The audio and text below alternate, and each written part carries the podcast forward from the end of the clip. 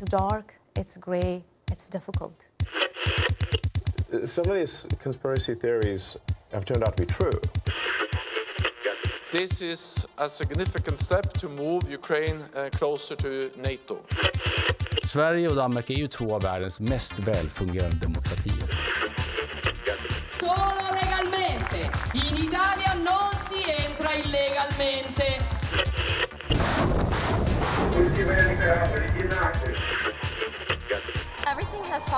Place. I feel really good about where I am right now. Fredrickson of Denmark and uh, the, the Minister Jacoba, daughter of Ireland. Do you guys ever think about dying?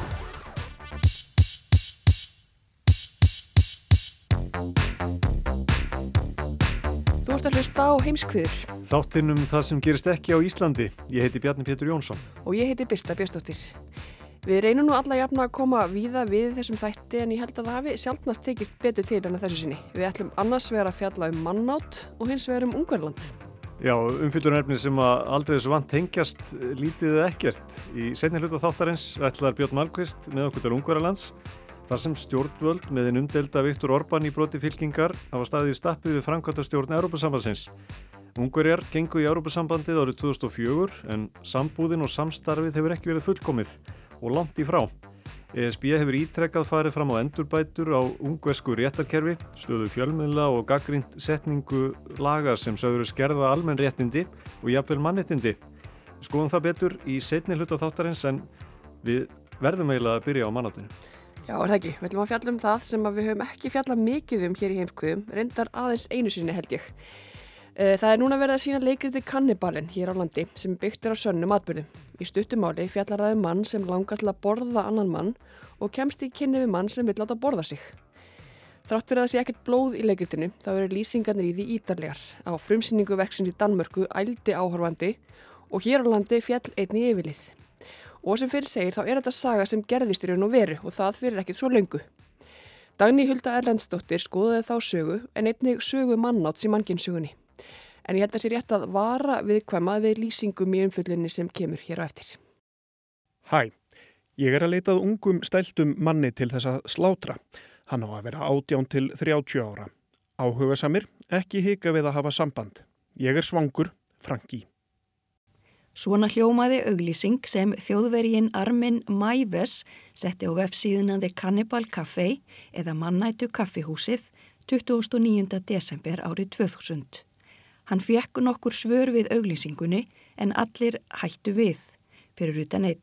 Það var Bernd Jürgen Brandes, verkfræðingur hjá Siemens í Berlín. Hann var alvarlega veikur andlega og átti sér þá ósk að vera jétin af annari mannesku. Á yfirborðinu virtist Armin hinn venjulegasti maður. Hann var á þessum tíma 42 ára, bjó í smábænum Rotenburg, starfaði sem tölvunarfræðingur og var í miklu metum hjá nágrunum sínum.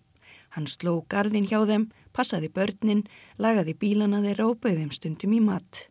En hann átti sér leinda úrsk að geta aðra mannesku.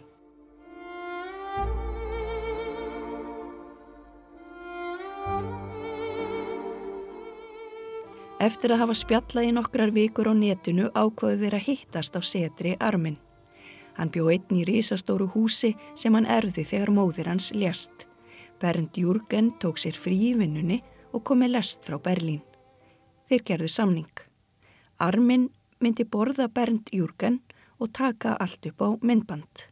Armin gaf honum áður áfengi, verkjatöflur og hóstasaft og hafði útbúið eitt fjölmarkra herbergja í húsinu sérstaklega fyrir verknaðinn. Þeir sammæltust um að Armin myndi byrja á því að skera tippið af Bernd Jürgen og að þeir myndu borða það saman. Armin aftur á móti skar líkamspartin í pita og stekti á pönnu með salti, pipar og kvítlög og átt. Bernd Jürgen var sár þjáður og blætti mikið og borðaði því ekki með Armin. Hann fór í baðkar og beigð eftir að blæða út. Hann þjáðist lengi og misti nokkrum sinu meðvitund. Armin fór fram að lesa bók og kíkti inn til Bernd Jürgen á um það byrj korters fresti. Hann var lengur að deyja en þeir hafðu gert ráð fyrir og endanum sammæltust erum að Armin myndi stingan með nýfi. Þær samræður heyrðust í myndbandinu. Armin stakk Bernd Júrgen í hálsin og myrtan þannig.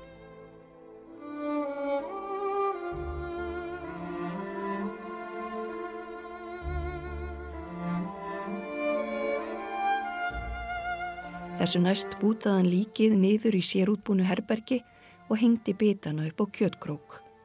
Síðar faldan bitana undir pítsukossum í fristikjöstu. Næstu tíu mánuði borðaðan mannakjötið. Hauskúpuna grófan í bakarðinu. Það var ekki fyrir mörgum mánuðum síðar að máli komst upp. Þá hafði armin aftur auglist á netinu eftir mannesku sem vildi láta geta sig. Einhver þeirra sem lásu auglýsinguna spjalluði við arminn og í spjallinu viðurkjandana hafa áður borðað mannesku. Þannig komst lauröklan á sporið, gerði húsleitt og fann líkamsparta og myndbandið af morðinu. He wouldn't rate a second glance. He looks so ordinary, but he's not. Armin Mivas is a cannibal. In March 2001 he killed a man... Málið vakti mikla aðtikli og var fjallað um það í fréttum viða um heim. Þarna heyrðu við brotur umfjöllun fréttaskýringa þáttarins 60 mínútur í Ástralíu. My name, Armin Maivis. I was born 1961. I'm computer engineer from Rothenburg, Germany. I killed a man, slaughtered him. Ég heiti Arvin Mæves, ég fættist 1961. Ég er tölvuverkfræðingur frá Rotenburg í Þýskalandi. Ég draf mann, brytjaði hann niður og borðaði hann. Síðan þá hefur hann alltaf verið með mér. Sagði Armin í sjómarpsviðtali við 60 mínútur í Ástralíu. Við réttarhöldin kom fram að Armin hafi alist upp einn með móður sinni eftir að pappans yfirgaf fjölskylduna og sást ekki meir. Fyrir um skólafélagi Armin segir að mammans hafi verið drottnunargjörn og hann hafi oft skammað Armin þegar aðrir heyrðu til og niðurlagt hann. Hann gengdi herþjónustu lengi en flutti aftur til mömmu sinnar þegar hún vektist. Þau byggu tvö saman þar til hún lést og þótt hún gefa sinni sínum lítið frelsi og fór jafnvel með honum á stefnumót.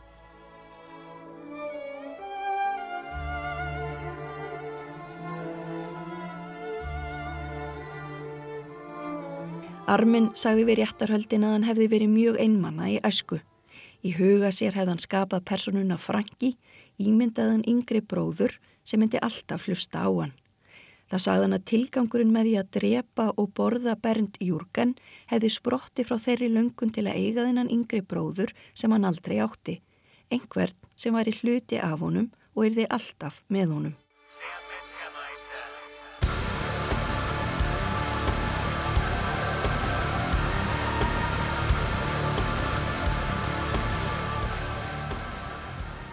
Málið sem þykir með þeim óvenjulegri í þýskri réttarsögu hefur verið listamönnum innblástur og má sem dæmi nefna lægið Mæntæl sem þungur okksljómsveitin Ramstein gaf út 2004.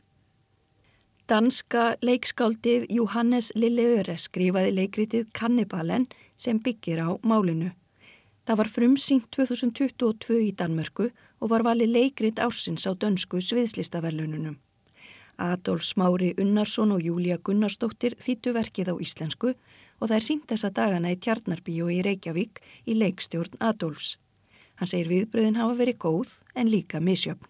Til dæmis á frumsýningunni þá var mjög mikið, hérna, mikið hlegi á síningunni. Það var mikið hlátur og, og það kom okkur alltaf óvart og við höfum kannski glemt í að þetta er náttúrulega svo algjörlega absúrt aðstæður sem þessi menn finna sig í að hérna, upp, upphaf leikritins fannst fólk þetta bara frekar fyndið en síðan náttúrulega deyr, hérna, deyr hláturinn út eftir því sem líður tekur á leikritið en, en síðan á sunnundaginn þá var annar salur og þá var alveg tróðfullt og þá var ekki hlegi neitt frá byrjun.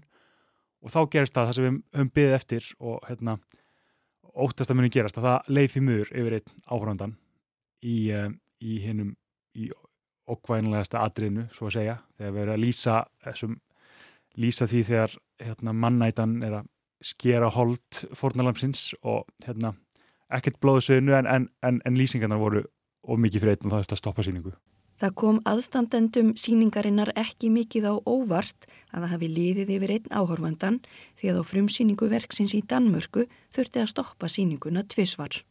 Því að einn fekk hérna flók og annar gestur kortir síðar kastað upp og þá þurfti leikstjórin að fara upp á svið og minna áhörundur á þetta væri nú bara leikús og fólk þurfti nú ekki að hafa mikla áhyggjur af því hvað var að gerast en þannig, við erum búin að fá svona alls konar viðbröð en, en þú veist, ég held að aðalega viðbröð sem okkur finnst skemmtilegast að heyra er að veist, fólk sér að þetta er ekki bara eitthvað svona þetta er ekki eitthvað ógeðsýning, ég held að margir að halda þetta væri bara eitthvað svona eitthvað ógeðsýning þess að við erum að ganga fram árundum en, en þetta er svo ótrúlega ein, einkennileg saga tveggja manna á ystunöf sem þrá einhvers svona tengingu og mannlega snertingu og, og það er held ég sagan sem við erum að reyna að segja. Það kom mörgum sem þekktu armin mjög á óvart þegar máli komst upp að hann væri í raun og veru mannæta. Eins og kom fram áðan þá hafði hann ekki gert neinu megin þanga til hann drap Bernd Júrgen. Þegar ég spurði leikstjóra kannibalen Adolf Smára hvernig hann myndi lýsa armin sagðan að líklega væri til nokkrar útgáfur af honum.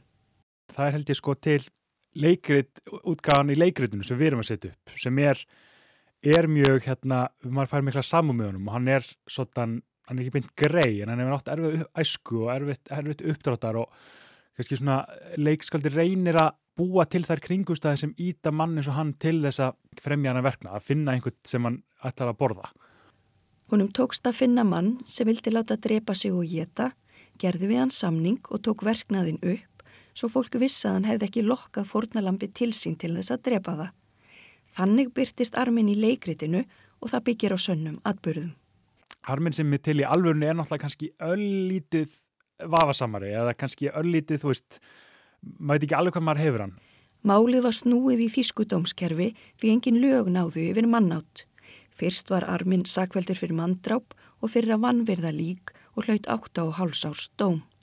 Ákjæruvaldið áfríaði þeim dómi og svo fór á endanum að hann hlaut æfulangt fangelsi fyrir morð. Í dómsal var því veld upp hvort Bernd Júrgen hafi getað samþygt að hann yrði myrtur. Hann hafi glýmt við alvarleg andleg veikindi og verknaður stundu hafa hann drukkið mikið áfengi og tekið inn verkjalið.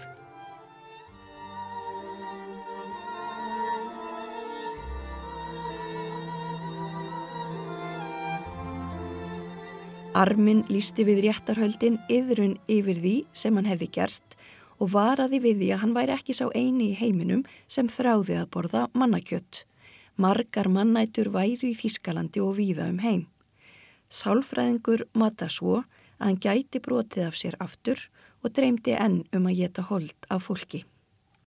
Dag er hann, er hann orðin hérna, græmiðsæta og hann, hann heldur svona hann er mikið í fjölmiðlum, hann er svona fjölmiðla fígura og hann alltaf, hann vil sko vekja aðtigla á, á hvað þunglindi og, og svona, og, og hvíði getur gert, gert hérna, leitt menn á, á, ranga brautir eins og hann. Og, og fórnalambi að frekar hefði ef það hefði til rétt úrræði þá hefði kannski hann ekki enda á borðan heldur, hann hefði kannski getið farið til gæðlagnis eða sálfræðings, þannig að hann er mikið svona uh, hann er mikið svona hérna hann þykist að vera mjög breyttu maður en hann er, hann er náttúrulega núna búið dæminni lífstæðarfangilsi Þegar Adól og félagar fengu leikritið í hendur og byrjuð að undurbúa síninguna, ákvaðu þeir að vera ekki að lesa mikið annað sem skrifað hefur verið um þessi voðaverk.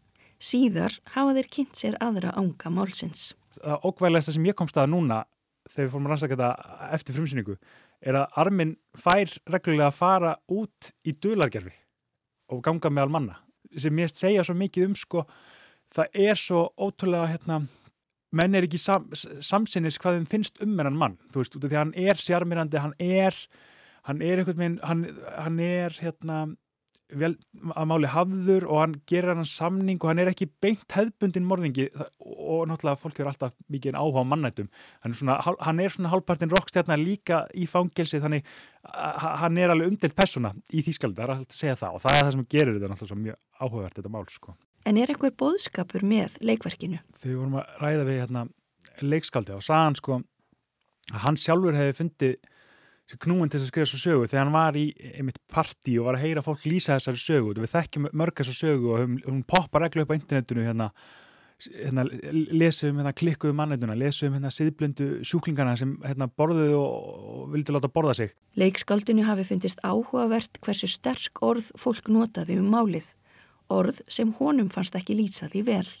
Hann hafi kynnt sena betur og komist að því að ímislegt hafi búið að baki. Það er, þú veist, það er einhver harmur, það er sorg, það er, það missir hjá báðum og mönnum og, og, og, og náttúrulega gærarni kvillar. Þannig hérna, það er kannski, kannski bóðskapun svona leikriti sem er að, að, að ekkert, ekkert er eins einfalt að virðist vera og, sama hversu uh, langt leita einstaklinga þú hefur fyrir fram að eða mál einhverja sem þú vilt tilla geðsjúku eða klikka og þú fyrir aðeins að bara fletta af yfirbornu þá er alltaf einhver, eitthvað undir og mögulega hefur verið hægt einhver tíman á lífskeiðisar manna að stíga betur inn í og reyna að hjálpa þeim en, en, en það eitthvað minn gerist ekki og þess vegna leiðast á svo braut. En, en það er svona, en á sama tími bóðskapin held ég ekki, það er ekki hægt að segja að allir sem eru að díla við hérna, einmannarleika eða, eða, eða, eða hérna, vondu uppeldi í æsku að, þeir leiðist hangað. Móðir Bernd Júrgan lést í bílslisi þegar hann var fimm ára. Fadir hans neitað að viðurkenna að þetta hefði verið slis og hjælti fram að hann hefði svift sig lífi. Barnfósturur sáu að mestu um uppeldið og síðar stjúpmóðir. Hann var ábyrða nefandi og virtist hinn venjulegasti krakki. Mál Armin Meives er síður en svo það eina tengt mannáti sem komið hefur upp. Á dögunum kom út í fyrsta sinni íslenskri þýðingu bókin Hold og blóð, Saga mannáts eftir skoska sagfræðingin Rath Tannahill. Áslaug Ólafstóttir þýtti bókina sem kom fyrst út á Englandi 1975 og í endurbættri útgáfu 1995. Og uh, það kom henni mjög mikið, höfundin, menni reyð Tannahill mjög mikið óvart hún skildi vera beðinu með endur skoða útgáfuna. En þá kom bara í ljós að það höfði orðið mikla framfærir í alls konar vísindum á þessu tímabili. Bæði hvað var það við hérna aldursgreiningar og, hérna, og fleira þannig að hún settist aftur yfir þetta rittverk og, og, og hérna bætti inni því sem að henni fannst passa að taka inni í þessar endur skoðu útgáfu.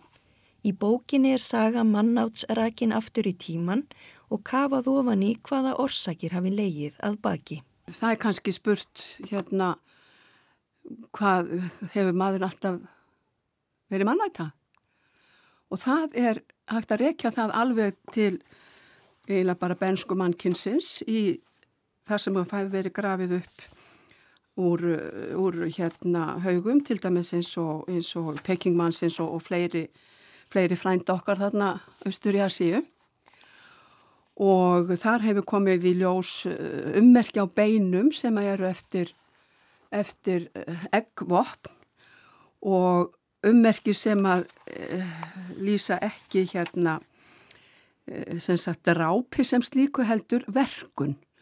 Kjötverkun getum við sagt. Það hefur verið skafa holda beinum og, svo framvegis. Það er náttúrulega það komið þér svona langt aftur í aftur í, í fornsöguna for, for, þá eru náttúrulega engar svona óeiggjandi upplýsingar. Það er ekki hægt að segja að þetta var akkurat svona, heldur er náttúrulega leitt, leitt líkum að því hvernig þetta hafi verið. Í gegnum söguna eru ímsar heimildir um mannátt, en Áslaug segir að mannakjött hafi aldrei geta verið megin upp í næringu fólks á þessum forsögulega tíma. Flestir hafa kannski verið svona, hvað maður að segja, svona hérna, tækifæri sinnar í þeim efnum. Næsti maður gæti alveg verið bráðins og dádýrið eða eitthvað slíkt sko. Eins eru dæmi í sögunum um mannátt tengt óvinnáttu og hatri og það hafi þótt hinn fullkomna hemd að geta óvinnsinn að minnstakosti hluta af honum. Og það er nú bara svo sent sem 1971.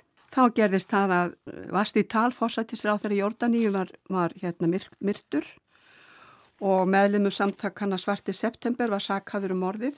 Hann var dregin fyrir dó og hann sagði bara fyrir rétti Ég er ánægðu núna. Ég drakk blóð tals.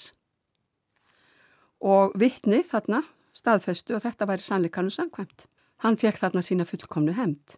Aðrar frásagnir af mannáti eru til að mynda fornir tengdar trúarbröðum til forna, svo sem til að ákalla sólina eða vonast eftir góðri uppskeru. Áslög segir þær fornir tengdar lönguninni til að lífa af. Gondsættbálkurinn á Indlandi fórnaði litlum drengjum æðstu, er, æðstu erðastjættarinnar, stjættbramana. Skvettu blóði þeirra á akrana, kjötti var getið. Áslög bendir á að mannátt sé ein af eldstu bannhelgi mannsins og eitthvað sem engin vilji þurfa að gera til að bjarga sér frá hungri. Þá séu einni dæmi um trú og lækningamátt mannablóðs sem var mikil öldum saman. 1483 þegar Lóðvík 11. fraklandskonungur lág fyrir dauðanum var honum ráðulegt að drekka blóð úr börnum til að ná bata. og Parísabúar emdu til uppþóta svo sent sem 1750 þar sem því var mótmælt að konungurinn, annar loðvikið þetta sinn, sá 15. leti ræna börnum vegna blóðs þeirra. Blóð barna var talið hreinast af öllu til að hann læknaðist af holdsveikinni sem sögur gengu um.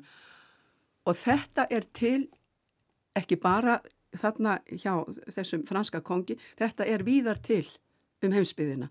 Það er bassblóðið. Mannátt í stríðum var þekkt til forna. Til dæmis eru sagnir um tartara þjóðflokk frá Östur-Evrópu og mið-Asíu. Og það er sagt svo frá að þeir taki, fanga, það, fanga til, taki til fanga þann sem er þeim óvinnveittur. Þá sapnast þeir saman og gett hann í hemdaskinni fyrir uppsteytinn og sjú honum blóðið eins og djöfulega blóðsugur. Þetta er svona samtíma lýsing innan geðstalappa. Framkýmur í bókinni að hungur og harðræði sé helsta ástæða mannáts. Og það er til dæmis skrásett bæði undarhald Napoleons frá Moskvu. Það er, það er hérna strand Medúsu skipsins. Það er Donnileiðangurinn yfir Klettafjöllin. Það er slísið, flugslísið í Andersfjöllum. Núna er einmitt kvikmyndin á Netflix sem að segja frá því. Það er ungu fótbóltastrákarnir. Gáttu bjarga lífi sínu einhverjir með því að, að velja valda bytta úr þeim sem að, sem að hérna ekki komist af. Eins og áður kom fram hefur mál Armin Meives verið mörgum innblástur og gerðar hafa verið kvikmyndir, sjómapstættir, söngleikur og tónlist. Þá eru ótalin verkum annað mannátt sem einni eru ótal mörg. En hvers vegna vill fólk horfa og hlusta á þetta umfjöllunarefni sem því finnst svo ógeðslegt? Og það eru alls konar hillingsbókmyndir og það er mannskeppna virðist sækja í þessar, þessar bókmyndategundir eftir því sem hún kannski hefur það betra og náðugra og lifur í, lifur í meiri, meiri bómull.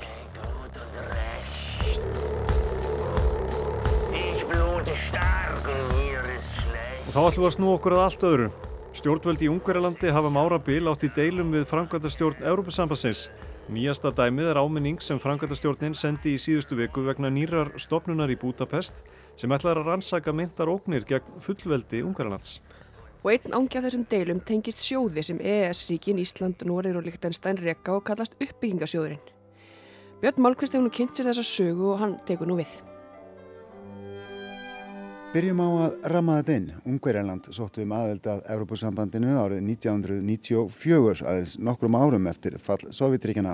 Áratug síðar, 2004, slóist Ungverjar í hópin á samt nýju öðrum ríkjum.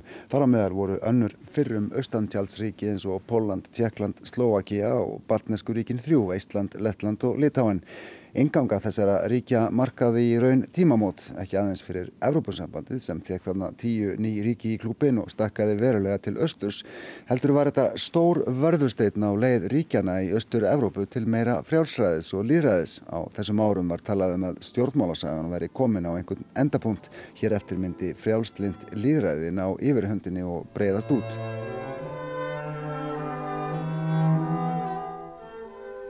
En raunin hefur eins og er orðið önnur. Þjóðarnir sinnaði stjórnmálamenn og flokkar hafa náð fótfestu í mörgum ríkjum Evrópu og reyndar ekki aðeins fótfestu heldur hafa náð og haldið völdum sumur um langt skeið. Eins og í Ungverjanlandi þar sem Fidesz, flokkur Viktors Orbán fósettisáþara, hefur verið í raun einráður síðan 2010.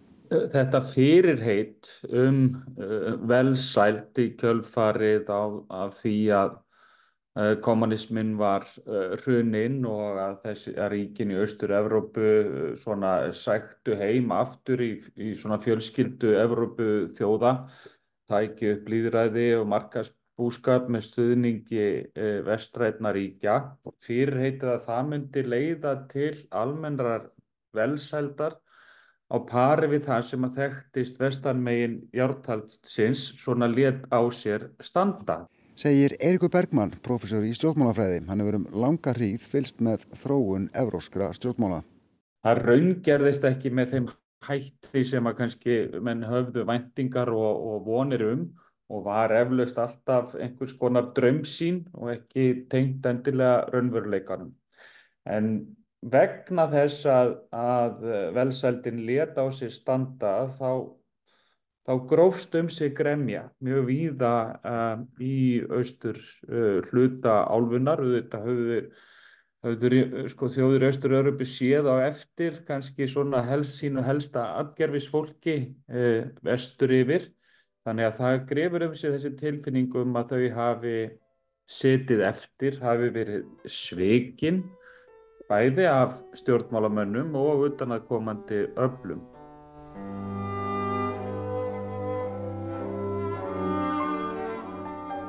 Og það er rauninni inn í það uh, andrumsloft sem að óbrútnir aðilar fóru að, að svona koma sér fyrir í, í pólitíkinni, ala á óta, ala á óvild í gartiltekina hópa, eh, svona magna upp eh, þjóðverdiskend eh, og svo framvegis og efasemdir fara að verða viðtækar bara um erindi líðræðisins og sérstaklega um erindi hins frjálslinda eh, líðræðis. Og þetta opna leiðina fyrir þá sem horfa til valdbóðs, upphafningar á þjóðurniskjent, útskúfun óæskilegra abla og hópa úr þjóðfélaginu, segir Erikur. Kanski er Ungverjalandi mitt sérstaklega áhugavert dæmi vegna þess að þar gerist þetta þannig að stjórnmálafl sem hafði stilt sér upp með líðræðinu, með frjálslindinu sem var svona fána beri að mörgu leiti hins frjálslinda líðræðis snýr alveg við blaðinu 180 gráður og fer í kjölfarið að berjast gegn því fyrirheiti sem það hafði sjálf, sjálf bóðað áður. Sem sagt, Fítes, flokkur Viktors Orbán sem verið hefur völd síðan 2010.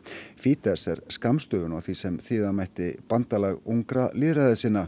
Flokkurinn var stopnaður árið 1988, árið áður en Bellinamúrin fjell og Orbán hefur verið leitói flokksins í raun frá upphafi. Fítes komst fyrst til valda árið 1998 en tapaði svo í kostningunum 2002 og var í stjórnarandstöðu næstu árin. Þá varð þessi orðræða bæði hugmyndinum fórnalamb, erlendra, uh, illvirkja og innlendra svikara og svo þessi sögulega upphafning þjóðurinnar af bara gríðarlega sterk sterkum og áhrifamiklum pólitískum skilabóðum heima fyrir sem að leiti til þess að, að uh, sko Orbán sildi traustan byr til valdana 2010 og hefur haldið þeim allar götur síðan. Og eftir hann kom til valda þá tók hann jú til við að svona afbyggja það frjálslinda líðræði sem að Fítes hafði haft forgöngu um að myndi komast á í Ungverjalandi. Það hefur verið dreyið markvist úr frelsi uh, fjölmiðla. Uh, Dómstólar hafa verið svona uh, gramdir undan undir hæl ríkisvaldsins. Sko, frjálsir háskólar hafa verið hraktir út úr Ungverjalandi og í dag er ekki hægt að segja að Ungverjaland sé frjálstilt líðræðisríki. Reyndar vill Orbán sjálfur kalla þetta sko kristilegt ófrjálslind liðræði með svona hugtak sem hann hefur verið að nota. Maður bara beitir stjórnmálafræðilegum greiningum þá er uh, Ungverjaland komið bara ansi nála því að verða uh, svona valdbóðsríki uh, Fítes vann stór sigur í kostningunum í Ungverjalandi 2010, ekki síst vegna viðtækrar óanægum með stjórn sósjálista sem hafi verið völd í átta ár. Í bandalagi við lítinnflokk kristilegra demokrata náði Fítes að komast í þástöðu að vera með meir en tvo þriðju þingsæta, meir en nóg til að breyta lögum og setja ný lög og nóg til að breyta stjórnaskrá landsins sem flokkurinn gerði svo árið 2011 þrátt fyrir viðtak mótmæli. Gaggrinnendur sögðu breytingarnar verða gerðar til að festa Fítes í sessi, breyða út hugmyndafræði flokksins og takmarka almenn borgaralega réttindi.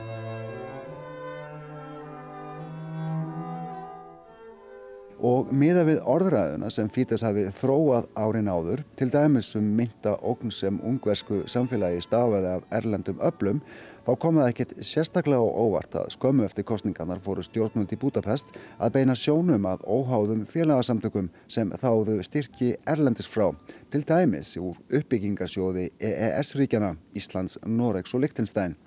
Þessi sjóður, uppbyggingasjóðurinn, er rekin í samræmi við samningin um Evróska efnahagsveið. Þetta er í raun aðgöngum með EES-ríkjana að innri markaði Evrópusambandsins. Sjóðurinn styrkir þúsundir verkefna í 15 aðeldaríkjum ESB sem eru með þjóðatekjur fyrir neðan meðalag. Það er samið við Evrópusambandið um framlag í sjóðin fyrir sjö ári senn og á tímabilinu sem náði frá 2014 til 2021 lögðu ríkin þrjú fram 2,8 miljardar evra meirinn 400 miljardar króna sem reyndar komu að langstæstum hluta frá Noregi. Yes, we are funding programs in a number of sectors. So it's both in education, research, in environment, uh, energy, in the justice sector, etc. So this is agreed with the Þetta er Ragnar Fitjestöl, stjórnandi uppbyggingasjóðsins. Styrkinir fara til dæmis í mentakerfi, rannsóknir, umhverfis og orkumál og stuðning við réttarkerfi. EES-ríkin þrjú semja sem sagt við Európusambandið um framlægið í uppbyggingasjóðin og sjóðurinn semur síðan við hvert ríki fyrir sig um verkefnin en hluti af upphæðinni til hvers ríkis fer til frjálsra félagasamtaka í samræmi við almenn evrósku gildi um líðræði og mannrettindi til að ná til jáðarhópa, auka jafnbreiðu og fjölga tækifærum, til dæmis á svæðum sem þykja vera afskipt. It's really based on the values and reaching out to the socially excluded, to promote uh, equality, equal opportunities and reaching out Og þessi áhersla á almenn gildi eins og mannrettindi hefur stundum leitt til þess að uppbyggingasjóðurinn hefur lemt í deilum við móttökuríki. Það gerðist til dæmis í Pólandi fyrir nokkrum árum þegar sjóðurinn hættið að styrkja verkefni í sveitafélögum sem höfðu lísti yfir að hins einn fólk væri ekki velkomið þangað.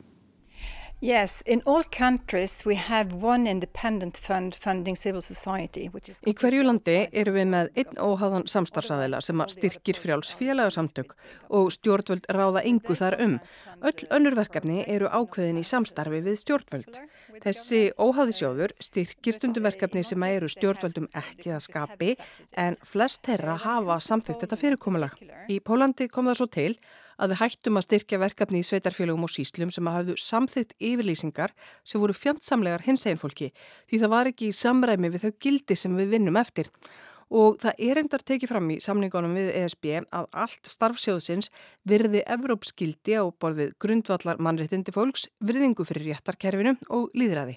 Þetta fyrirkomulag sem Ragnar myndist á hérna framann að vera með óháðan samstafsæðila í hverju ríki sem styrkir frjáls félagsamtök er nákvæmlega það sem deilutnar við ungveri hafa snúist um.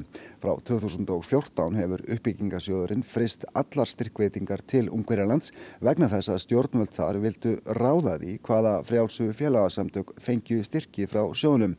Þessi deila var eitt af fyrstu merkjónum um að stjórnvöldi í Ungverjarlandi væru að beina sjónum sínum að þessum geira samfélagsins. This EA grant conflict was one of the first major conflicts um, and one of the first warning signals uh, that the Hungarian government also, well, let's say, pays attention to civil society.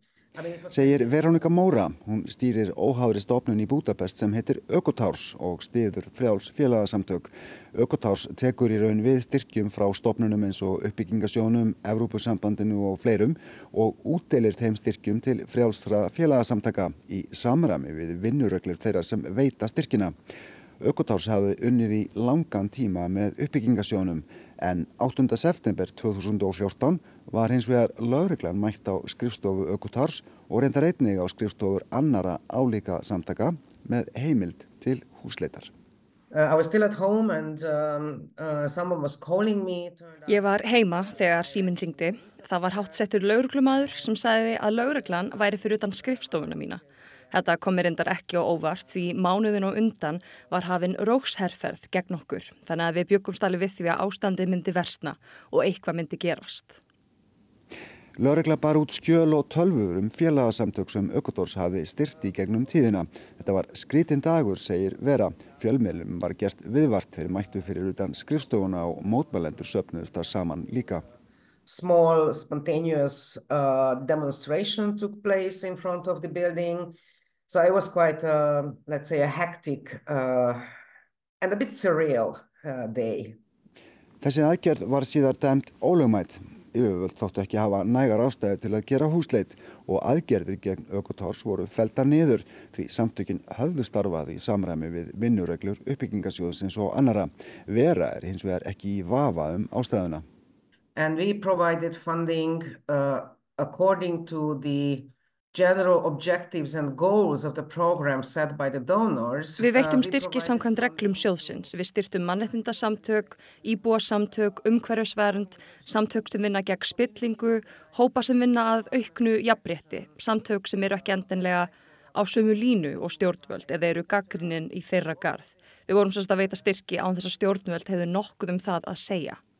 Afleiðingin af öllu þessu var svo að uppbyggingasjóðurinn fristi öll framlög til Ungverjarlands, líka þau framlög sem samið hafi verið um við stjórnvöld. Á styrktímabilinum 2014 til 2021 átti að veita 215 miljónum evra, meirinn 30 miljörðum íslenskra króna í verkefni í Ungverjarlandi sem ekkert varð af vegna þessa ágreinings. Hér er Ragnar Fítjastöl aftur stjórnandi uppbyggingasjóðsins. Uh, we used to have very good uh, programs in Hungary in many areas. When we Við vorum með góð verkefni í Ungverjalandi. Þegar þetta tímabil hófst náðust ekki samkómulag fyrir árið 2020 en þá vildu Ungverjar fá að samþykja samstarfsaðilan fyrir styrki til óháðra félagsamtaka. Annars er þau engin önnur verkefni samþygt. Við náðum ekki samkómulag um þetta sem leiti af sér að engin verkefni voru styrt í Ungverjalandi. And that led to no programs at all being implemented in Hungary this period. Svo ákvörðun að frista þessa styrki hefur gert frjálsum félagsamtökum erfiðara fyrir, segir Veronika Móra, en þau hafa líka fengið styrki annar staðar frá og reyndar orðið betri að sapna fjármunum frá almenningi í Ungverjalandi. En þessi afstæða stjórnvalda hefur eins og verið líka haft áhrif á lítil svæðisbundin samtök sem eru meira háð stjórnvaldum á hverjum stað. Þannig samtök hika núna frekar við að fara í verkefni sem gætu mögulega verið umdelt. Well, I mean, was uh, we... Þetta var hluti af undanhaldi líðræðisinn sem við höfum hort upp á síðan 2010-2011 í stjórnartíð Fidesz. Þetta hefur áhrif á borgarlegt samfélag og stopnanir líðræðisins.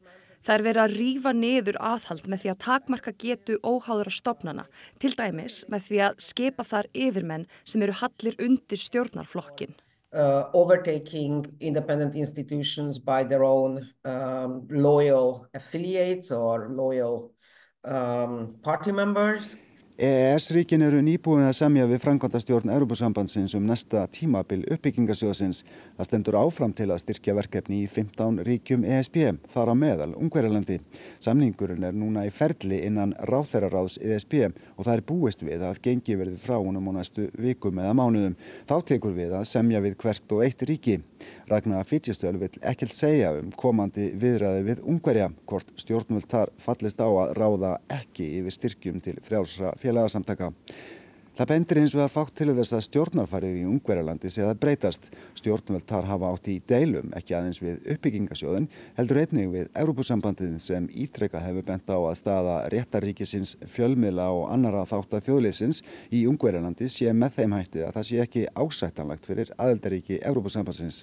Þessi braut sem hefur verið mörguð uh, til meiri svona valbóðsinnari útgáfu líðræðisins, ef að líðræði er þá hægt að kalla, sem að hefst uh, í Austur-Evrópu þegar að, að líða tekur á öldina og þetta fyrirheit, um, velmegun í kjölfar frjálslind líðræðisleitur á sér standa. Svo þróun gengur langt lengst í Rúslandi og Vladimir Putin er auðvitað fánaberi þeirrar stefnu til aukinar þjóðnisíkju, aukins harræðis, um, benda stöðut á, á, á óvinni, upphafningu þjóðarinnar hið innra. Og Viktor Orbán sko gengur mjög svona uh, fast á eftir Putin í þessum efnum. En það urður skil millið þeirra við innrós rúsa í Úkrænu fyrir tveimur árum, segir Eiríkur, þegar alþjóðarsamfélagi tók einarða afstöðu gegn rúsum, þá glataði Orbánað vissuleiti bandamanni og ákveðinni fyrirmynd hvað hugmyndafræði varðar. En það er algjörlega ljóst að hann er áfram hallur undir hugmyndir, þær hugmyndir sem að Vladimir Putin hefur fært uh, fram og hann hefur síðan núna í setni tíð verið að fikra sig aftur nær afstöðu uh, rúsarna sem var ómögulegt þarna framan af eftir, eftir innrásina.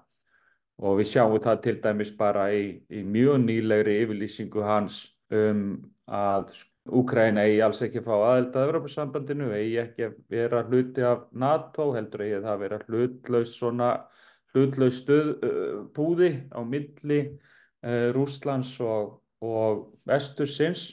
Og að þessi sko för vestræðna ríkja að taka uh, Úkrænu svona inn fyrir gerðingu, hann hafnar sem sagt henni. Og það er auðvitað mjög í þáu Pútins og hann er að segja þetta með miklu meira afgerandi hætti núna heldur en áður þannig að hann er svona fyrir að setja tilbaka í átta, átta Putin.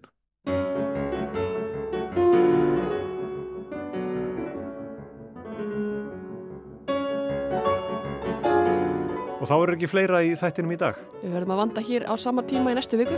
Takk fyrir að hlusta.